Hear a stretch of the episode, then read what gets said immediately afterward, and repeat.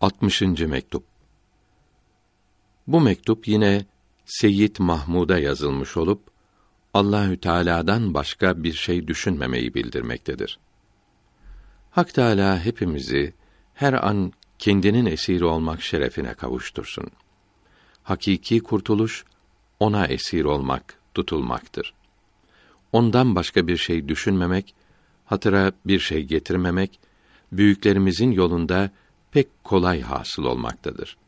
Hatta bu yolun büyüklerinden birkaçı 40 gün çile çekmiş, 40 gün sonra hatırlarına dünya düşünceleri gelmez olmuştur. Hace-i Ahrar kaddesallahu teala sırre buyurdu ki yok edilmesi lazım gelen dünya düşünceleri daima Allahü Teala ile olmaya mani olan düşüncelerdir. Yoksa bütün düşünceleri yok etmek lazım değildir. Bu büyüklerin sevgisiyle dolu olan bir derviş, yani İmam-ı Rabbani Kuddisesi Ruh, Rabbinin nimetlerini say emrine uyarak kendi halini şöyle bildirir ki, kalpten düşünceler o kadar yok olmuştur ki, mesela bu kalbin sahibi, Nuh aleyhisselamın ömrü kadar, yani peygamberliği zamanı olan 950 sene yaşasa, bu kadar zamanda kalbine bir düşünce gelmez. Bunun için uğraşmasına lüzum olmaz. Çünkü uğraşmakla olan şey devamlı olmaz. Belki kalbine bir düşünce getirmek için senelerle uğraşsa getiremez. Çile çekmek uğraşmak demektir. Uğraşmak tarikatta olur. Hakikat ise güçlük çekmekten, uğraşmaktan kurtulmaktır.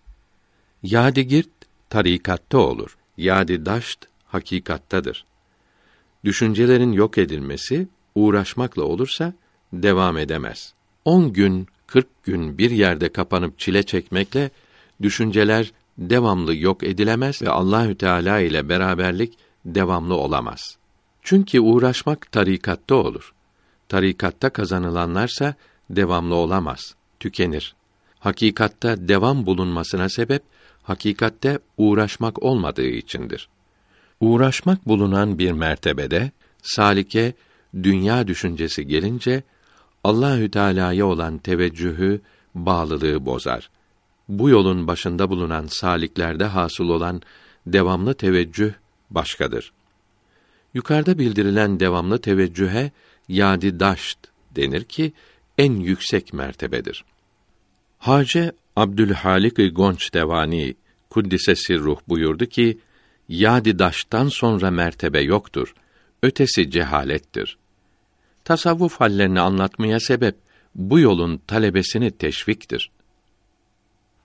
Evet, bu yola inanmayanın bu yazılara boş laf diyeceğini biliyoruz. Bazılarına doğru yolu gösterir, bazılarının da büsbütün sapıtmasına sebep olur.